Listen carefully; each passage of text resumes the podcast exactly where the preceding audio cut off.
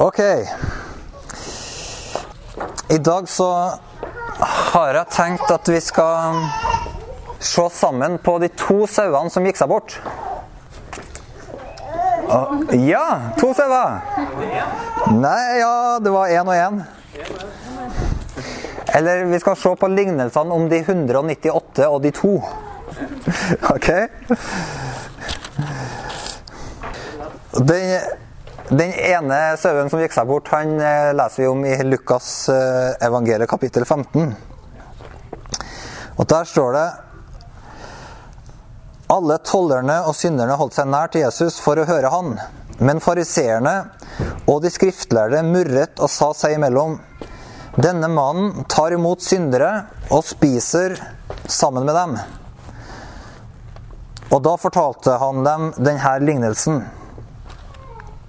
Dersom en av dere eier 100 sauer og mister en av dem, lar han ikke da de 99 være igjen ute i ødemarka og lete etter den som er kommet bort, til han finner den.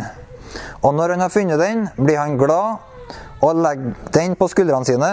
Straks han kommer hjem, kaller han sammen venner og naboer og sier til dem Gled dere med meg, for jeg har funnet igjen den sauen som var kommet bort. Jeg sier dere, på samme måte blir det større glede i himmelen over én synder som vender om, enn over 99 rettferdige som ikke trenger omvendelse.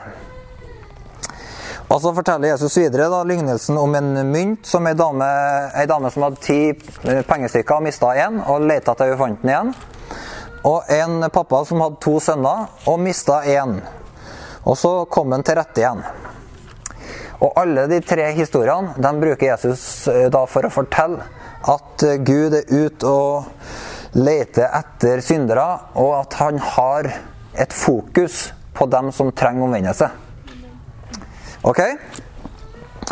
Eh, og skal, I dag så skal vi ikke bruke så veldig mye mer tid på denne sauen, annet enn at eh, vi må legge merke til det at Jesus bruker denne lignelsen til da å beskrive Guds hjerte, hyrdehjerte og hjertelag for syndere som trenger omvendelse. Og Det forteller oss at hvis Gud er sånn, så er vi jo kalt til å ha det samme hjertelaget. På en, på en sånn måte at, at vi hele tida bærer med oss i hjertet at det er, det, det er alltid viktigere å gå til den ene som er kommet bort, enn å ta, eller enn, enn å være med de 99 som er i bingen. Innhegninga. Ok. Så det var de, Da er vi oppe i 99 og 1. Og så siden denne sesjonen skulle handle om de 198 og de to, så må vi finne de andre 99 og den ene. Og dem står det om da i Matteusevangeliet, kapittel 18. Um, og der skal vi ta og lese uh, først fra vers 1, og så skal vi hoppe litt, og så skal vi lese fra vers 10 etter hvert. Nettopp da kom disiplene og spurte Jesus hvem er den største i himmelriket. Da kalte han til seg et lite barn, stilte midt iblant dem og sa:" Sannelig, jeg sier dere, uten at dere vender om og blir som barn, kommer dere ikke inn i himmelriket. Den som gjør seg sjøl liten som det her barnet, han er den største i himmelriket. Og den som tar imot et slikt lite barn i mitt navn, tar imot meg. Og så advarer han mot å lokke til fall en av disse små som tror på meg. Så hvis du vurderer det, å ta og lure et lite barn, eller en av disse små, som Jesus sier, til fall, så sier Jesus at det er bedre å få en kverstein hengt rundt halsen og bli senka i havets dyp. Så da, kan du, da skjønner du at det er bedre å ikke gjøre det. Ok? Men så leser vi fra vers 10. Pass dere for å forakte en eneste av disse små, for jeg sier dere, de har sine engler i himmelen, som alltid ser min himmelske fars ansikt. Menneskesønnen er jo kommet for å berge de bortkomne. Hva mener dere? Dersom en mann har 100 sauer, og en av dem går seg vill, lar han ikke da de 99 være igjen i fjellet og går og leter etter den som er kommet på avveier? Og skulle han finne den, sannelig jeg sier dere, da gleder han seg mer over denne ene enn over de 99 som ikke har gått seg vill. Slik vil heller ikke deres far i himmelen at den eneste av disse små skal gå tapt. Så her fant vi den andre sauen og de 99 andre. Da er vi oppe i 198 pluss 2. Riktig? Ja, bra. Det er bra. Det er godt å få det bekrefta. Så, um, så her bruker da Jesus akkurat den samme lignelsen som han brukte når han snakka om syndere som trengte omvendelse, bruker han til å snakke da, i tilfellet her om disse små og om barna. Så han sier med andre ord at eh, hyrdehjertet hans går ut til barn.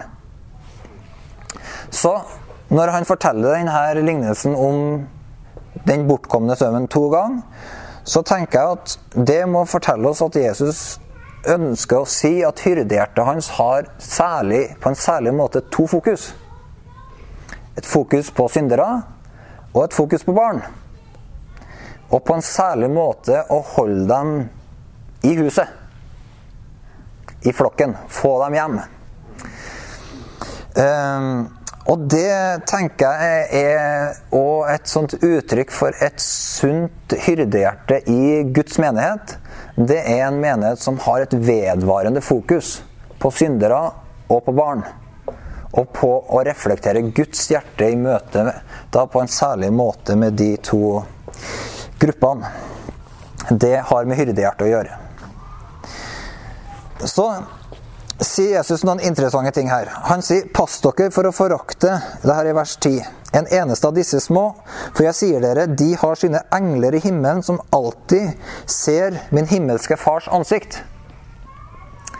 Så han sier først 'pass dere for å forakte en av de her små'. Det skal vi komme litt tilbake til. Men så sier han liksom Hovedbegrunnelsen hans det er at vi må forstå at de her har Gud satt en prioritet på. De her små, de har engler for Guds ansikt. Så Det forteller meg noen ting. Det ene det forteller meg, det er at Jesus sier eh, ikke forakt dem, for at dere må forstå Gud har gitt en særlig ressurs, en åndelig ressurs, til de her barna. Det er interessant. Han sier det er en dedikert, en satt av en ressurs. En himmelsk ressurs. Og det tenker jeg òg forteller oss at eh, når vi arbeider med betydningene av barn i Guds rike, så er den der åndelige ressursen Det forteller oss at at eh, når Jesus snakker om å bevare dem i huset, når han snakker om sauen som gikk seg bort, når han snakker om forførelse, så tenker jeg at det betyr at vi må forstå at, eh, at vi arbeider innenfor en usynlig virkelighet der det foregår en åndelig kamp. Og Gud sier vi må forstå at vi ikke må forakte her, for Gud han har putta dedikerte ressurser inn i den åndelige kampen. Så det tenker jeg er kjempeinteressant. Og det, det er òg en side her med den åndelige kampen som man kan lese om gjennom eh, frelseshistorien. Fordi at eh, på en del sånne kritiske faser i Guds frelsesplan så ser man at eh, kampen på en særlig måte knyttes til, til barna og den generasjonen som kommer. Det, de to tydeligste eksemplene er jo når Moses, som var utfrieren fra Egypt, og eh, når han skulle bli født, så satt farao i gang denne eh, massive eh, jakta på, på de her eh, sønnene til, til israelsfolket. Og det forteller meg at, at det må ha vært det har vært et, et åndelig bakteppe for det som skjedde. Eller det, det forstår vi. Det var Guds plan skulle gå videre. Nå skulle den generasjonen fødes som det var, skulle komme en utfrier fra. Og så kommer det da et sånt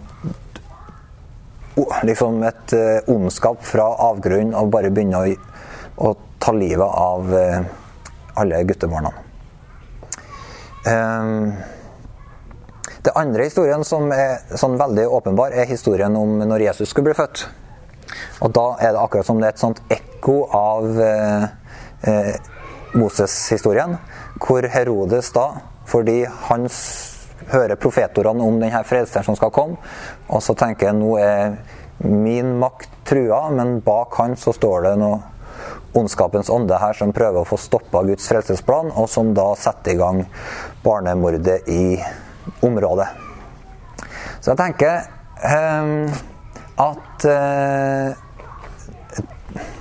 at for Gud så er den generasjonen som kommer opp, den er veldig viktig fordi Gud har en plan for hver generasjon som blir født, og det står i en sånn åndelig kamp.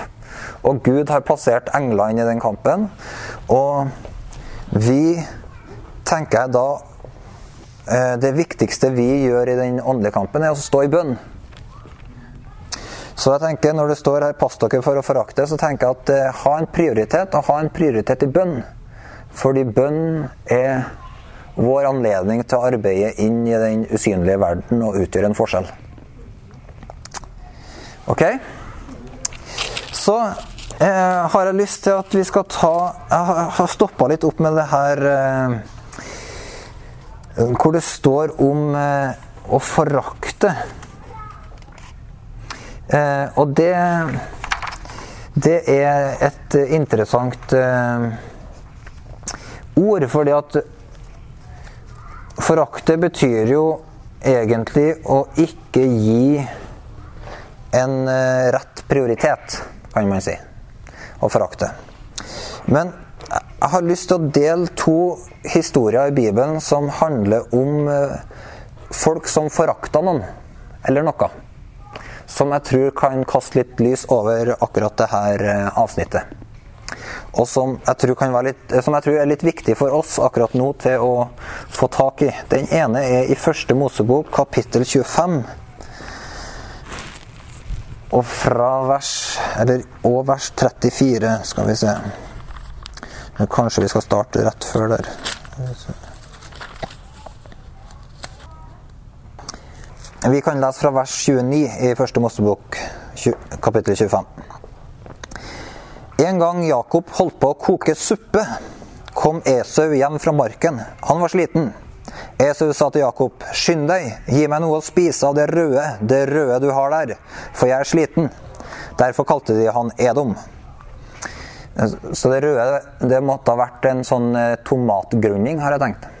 Det var pizza på gang. Et eller annet pizza-ish. Med linser. Det kommer vi til litt senere her. Eh, ja. Men Jakob sa først må du selge meg førstefødselsretten din. Jesus svarte Se, jeg holder på å dø. Hva skal jeg med førstefødselsretten? Sverg på det først, sa Jakob. Så sverga han og solgte førstefødselsretten sin til Jakob. Da ga Jakob han brød og linsesuppe. Han spiste og drakk, reiste seg og gikk. Slik viste Esau forakt for førstefødselsretten. Så her har vi et sånt eksempel på forakt. Og Esau han forakta da noe som var viktig i et veldig langt perspektiv. Fordi det var noen ting han følte var viktigere her og nå. Alt inni sa det føles så viktig å få denne suppa. Jeg er så sulten.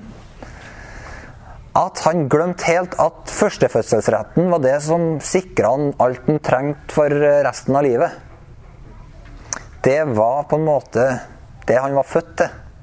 Så det som føltes viktig her og nå, eh, gjorde at han forakta det som var viktig i et langt perspektiv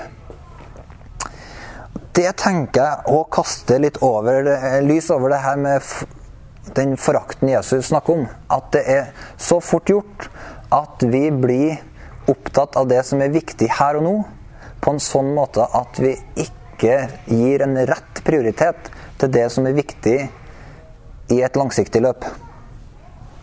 Eller sagt på en annen måte det, Sulten til Esau, den sa fra. Den ropte høyt til den innafra. Mens førstefødselsretten, den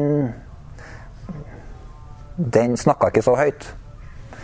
Og Sånn er det med de her to sauene nå. Eh, de her synderne og barna de varsler ikke sjøl at de trenger en prioritet i Guds hus. Alle andre gjør det. Men du får ikke synderne sjøl som regel til å varsle fra om at de ønsker en prioritet til huset. Og det gjør heller ikke barna. Det er opp til oss andre å gi det en rett prioritet som gjør at vi gjør i dag det som er viktig i et langt perspektiv. Så forakt ikke barna sånn som Esau forakta førstefødselsretten for ei linsesuppe.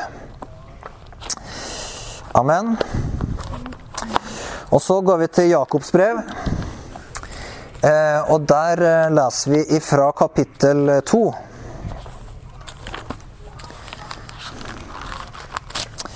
Skal vi se Og vi leser fra vers 1 til 6. Mine søsken, dere kan ikke tro på vår Herre Jesus Kristus, herlighetens Herre, og samtidig gjøre forskjell på folk. Sett at det kommer to menn inn i forsamlingen deres. Den ene i staselige klær og med gullring på fingeren. Den andre fattig og i skitne klær. Så legger dere merke til han med de staselige klærne og sier, Vær så god, her er en god plass, men til den fattige, du kan stå der, eller sett deg her ved føttene mine. Har dere ikke da skapt et skille blant dere? Er dere ikke blitt dommere med onde tanker? Hør, mine kjære søsken, har ikke Gud utvalgt de fattige i verden til å være rike i troen og til å arve det rike han har lovet dem som elsker han? Men dere har foraktet den fattige. Er det ikke de rike som undertrykker dere og drar dere fram for retten? Og er det ikke de som spotter det gode navnet som er nevnt over dere? Så her skriver Jakob om to forskjellige folk som kommer inn i menigheten. Den ene er rik. og opplevelsen folk har når han kommer inn i rommet, er han her er viktig. Så de sier her skal du få en fin plass. Og så kommer det inn en annen som er fattig, og folk tenker han er ikke så important. Og kanskje er det litt mer praktisk, kanskje han ikke har fått stelt seg så godt. Så kanskje er det mer praktisk at han ikke sitter i en av de uh, rene, fine stolene, men at han sitter her på gulvet. Masse tusen argumenter for at uh, man kan forakte den fattige. Og så sier Jakob at da skaper vi et skille der vi har forakta den fattige. Så det å assosieres med noen som er rik, det handler særlig om, kanskje om to ting. Det ene er at uh, når vi er med de rike og velsigner de rike, da får man noen ting tilbake. Så det er en sånn Det er en veldig lur ting. Hvis du inviterer noen som har mye mat på middag, så er det en kjempegod ting fordi da kan du bli invitert tilbake, for de har så mye god mat. Ok? Så det er et triks. Hvis du vil ha mye god mat, så må du invitere noen som har mye god mat på middag. Da er sjansen stor for at du blir invitert tilbake. Og så er det sånn at hvis At eh, eh, Ofte så er det sånn at hvis vi er venner med de viktige folkene, så får vi av og til litt sånn Det smitter litt over på oss. Og det er veldig, et veldig lurt triks. Hvis man ønsker litt, litt sånn status, så er et kjempetriks det å være med rett folk. For da får man liksom litt av den statusen som man assosieres med dem. Så de to triksene hvis man vil ha bli velsigna, så velsign noen som er rik. Og hvis man vil ha litt status, så heng med noen som har status, så du får liksom del i denne statuspakka. Eh, og det er veldig eh, fort gjort at eh, den der prioriteten å snike seg litt sånn inn i, i Guds hus. Fordi at det er ofte sånn når jeg deler Guds ord, så etter at jeg har delt Guds ord i en sånn eh, set, på en eh, samling, så kommer det ofte to-tre stykker til meg etterpå og sier du, det, i dag var det bra. Det, det, det, der fikk jeg noe ut av. Og så, eh, og så kanskje de til og med kan si ja, i dag så følte jeg at det, det som du delte, det tar til meg på det her området. Så blir jeg så velsigna å høre hvordan Gud har møtt dem. Men hvis jeg deler Guds ord på en barnesamling, så, liksom, eh, så får jeg aldri den typen feedback. Det er liksom eh, I beste fall så er det liksom Det var en bra lek, kanskje vi tar den òg neste uke? sånn at, at, det er ikke en sånn det er ikke, det er ikke alt man gjør der det er en like sterk sammenheng mellom altså en like sånn effektiv sammenheng mellom det å så og høste. da. Altså, det må dere tenke litt på. Man må gjøre litt av begge deler.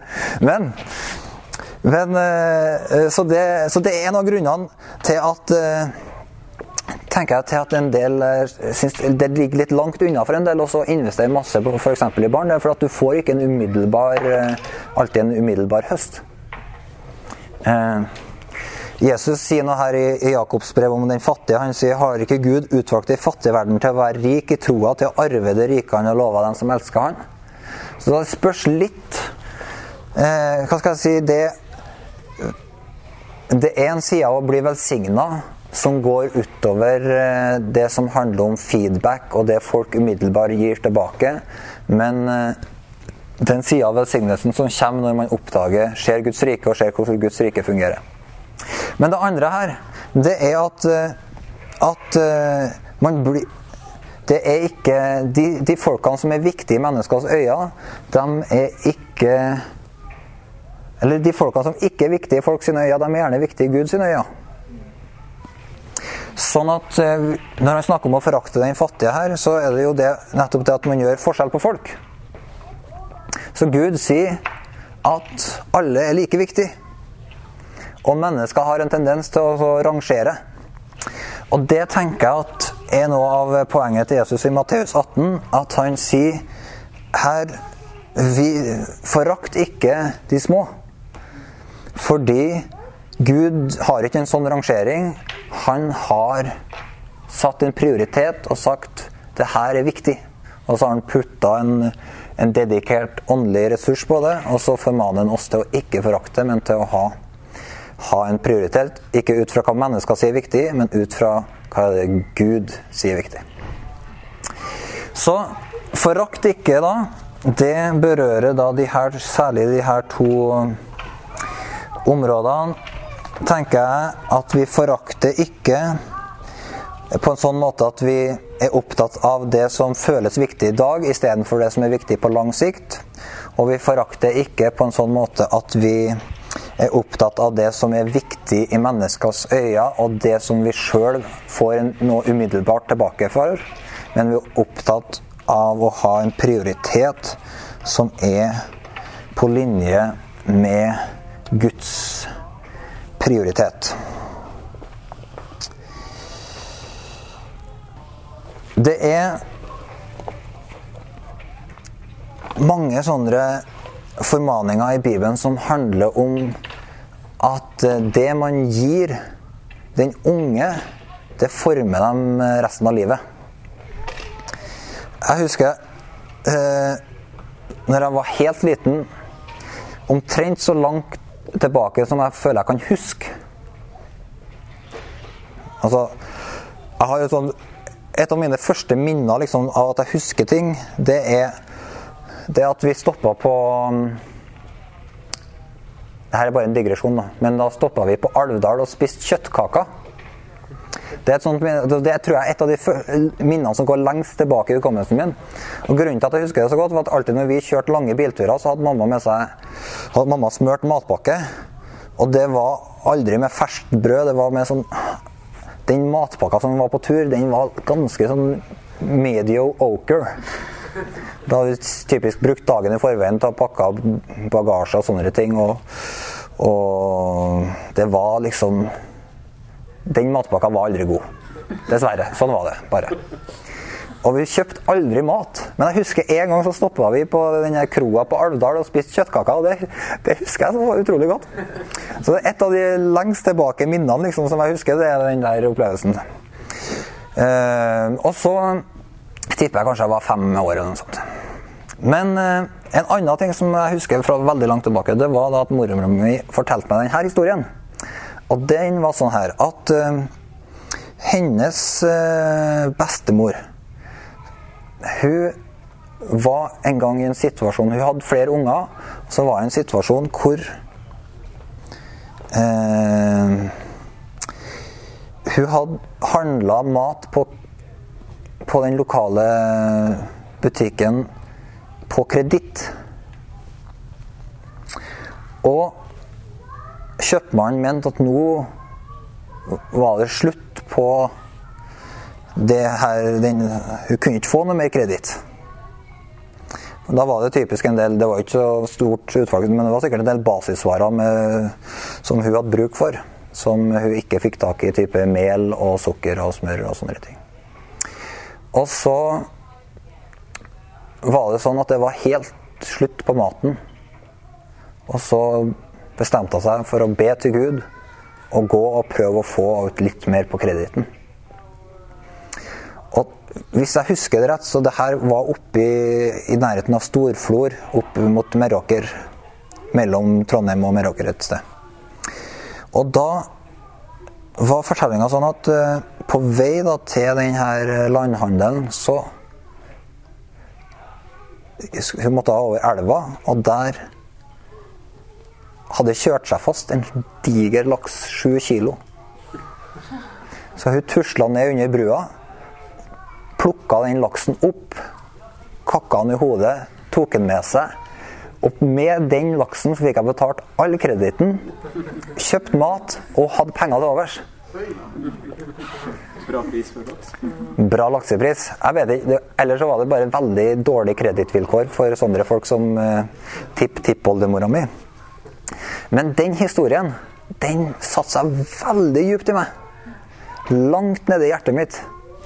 På en sånn måte at jeg har alltid visst, fordi mormora mi som fortalte meg den historien, hadde sagt det her, så har jeg alltid visst at Gud alltid vil gi meg det jeg trenger.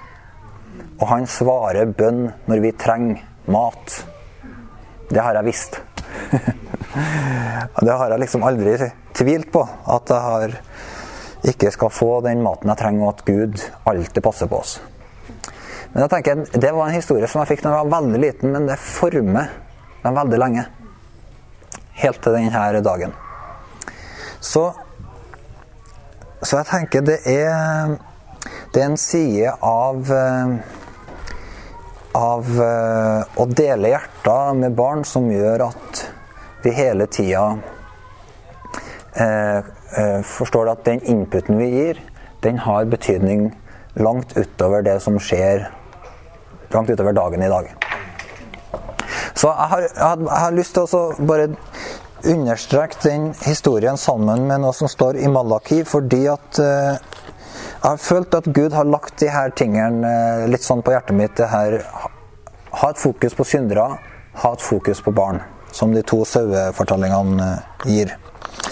Og så er det sånn at det betyr ikke det samme for alle oss.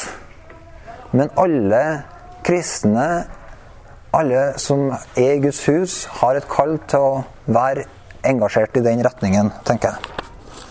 Av syndere og barn. Og i Malaki så står det noe veldig interessant. Det er på den siste sida i Det gamle testamentet.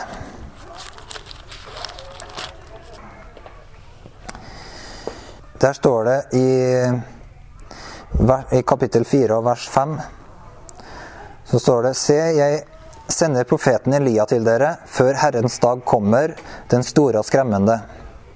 Han skal vende fedrenes hjerter til barna og barnas hjerter til fedrene, så jeg ikke skal komme og slå landet med bånd. Så her sier han at den profeten Elia er jo da Johannes blir omtalt som eh, profeten Elia. Han var den profeten, han tjente profeten Elias ånd. Og det handla om å forberede en vei for Jesus. Så her står det at når det og så sier Jesus, Når han kommenterer på Johannes, så sier han at eh, profeten Elia har kommet, og det kommer til å komme flere Elia. Så det betyr at den sida av å forberede en vei for Jesus, det er noe som Gud fortsetter å gjøre i generasjon etter generasjon. Og en av de tingene som kjennetegner at det banes en vei for Jesus, det er at fedrene vender hjertene sine til barna.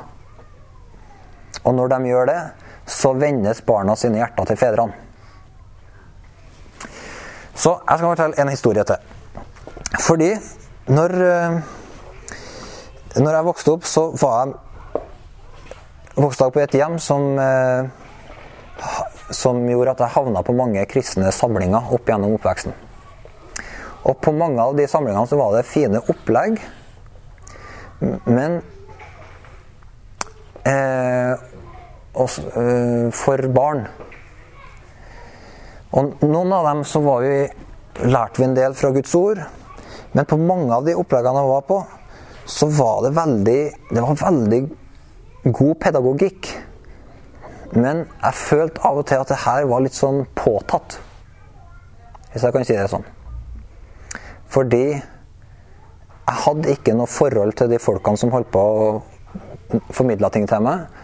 Og de hadde gode opplegg, men jeg følte jeg var på en skolebenk. Eh, men, eh, men det var liksom ikke et liv fra Gud i det. Hvis det går an å si det sånn. Som eh, rørte ved hjertet mitt, og som forandra meg her.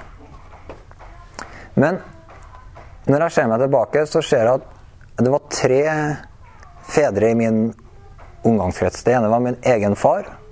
Og så var det to fedre i to kristne familier der jeg vokste opp. Og når jeg sier Det var tre, det var jo flere fedre i min omgangskrets, men de tre fedrene hadde en særlig impact på livet mitt. Og det var fordi at de, min egen far han var, han en utrolig god mann. Han både hadde tid for oss, så oss og delte Jesus med oss. Og så var det to andre fedre, og de så oss. De, visste, de kjente vi. Så han ene han tøysa veldig mye med oss. Men jeg hørte aldri at han delte noen ting om Jesus. Men jeg så at alltid når det skjedde noen ting kristent, så prioriterte han det. Så jeg, jeg, han satte spor i livet mitt fordi at jeg så noen ting hos han som gjør at Han sa egentlig aldri noe om Jesus, men jeg visste hva som var viktig for han. Han andre han var litt mer Han, delt, han hadde to vitnesbyrd som han brukte å dele. Så han hadde på hjertet sitt og egentlig litt sånn aktivt gi oss evangeliet. Men han han jeg, jeg husker han pleide å ha en sånn en gutteklubb. Jeg tror aldri, altså Når jeg tenker meg tilbake, så tror jeg aldri han brukte mer enn ett og et halvt minutt på å forberede den klubben. Fordi at Den handla om at vi møttes på et rom, på et sånt loftsrom. Og så hadde han på veien dit så hadde han funnet uh, rød saft og kjeks. Mariekjeks. Eller eventuelt fyrstekake. Og så fikk jeg den følelsen av at det var først når vi satte oss ned i sofaen der, at han begynte å tenke på hva er det vi skal gjøre nå. av og til så hadde han tatt med seg et tau på veien, så han skulle lære oss å lage en knute. liksom. Men også, men han altså hadde et vitnesbyrd, og det delte han kanskje 85% av gangene. Det handler om at Der han vokste opp, så hadde det vært en brann, og så var det en som holdt på å skulle Som nesten brant opp, men da var det en som holdt i et tau.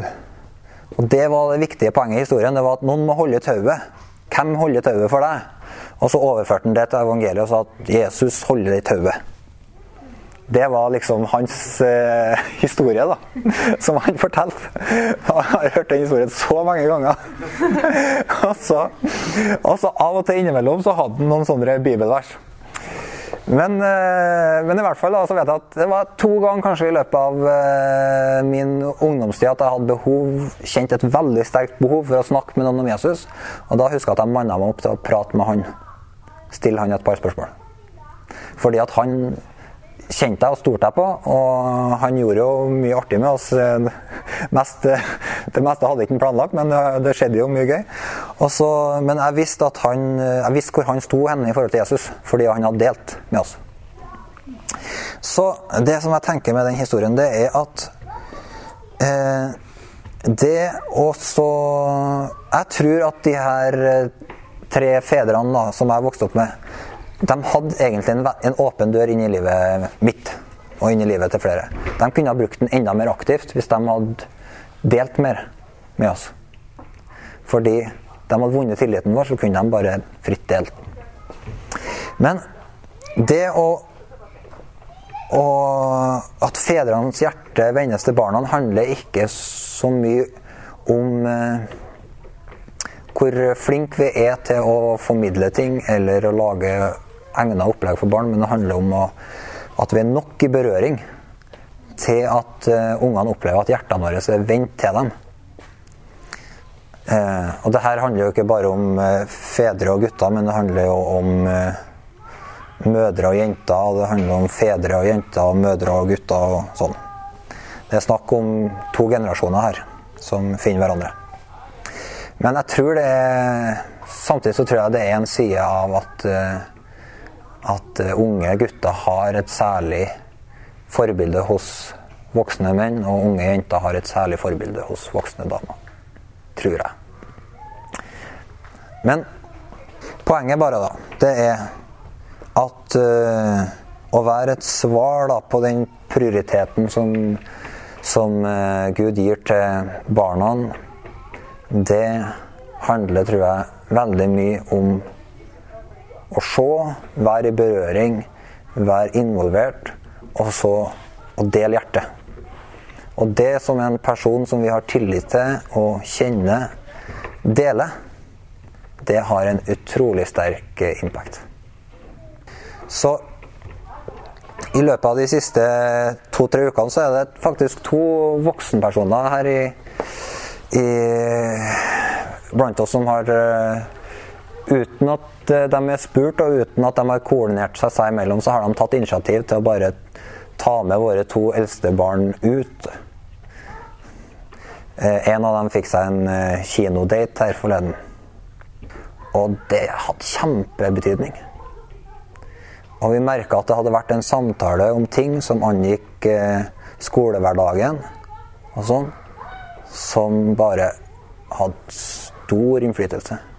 Mye mer enn eh, noen eh, Kanskje på en annen måte enn vi som foreldre kunne ha innflytelse.